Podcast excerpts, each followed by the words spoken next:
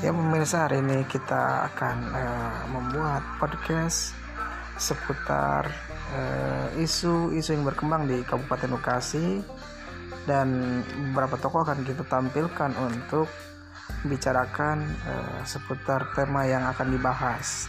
Tentunya tokoh-tokoh ini nantinya akan memberikan statement-statement yang uh, cukup menarik dan e, memberikan solusi atas permasalahan yang ada di sekitar Kabupaten Bekasi. Terima kasih.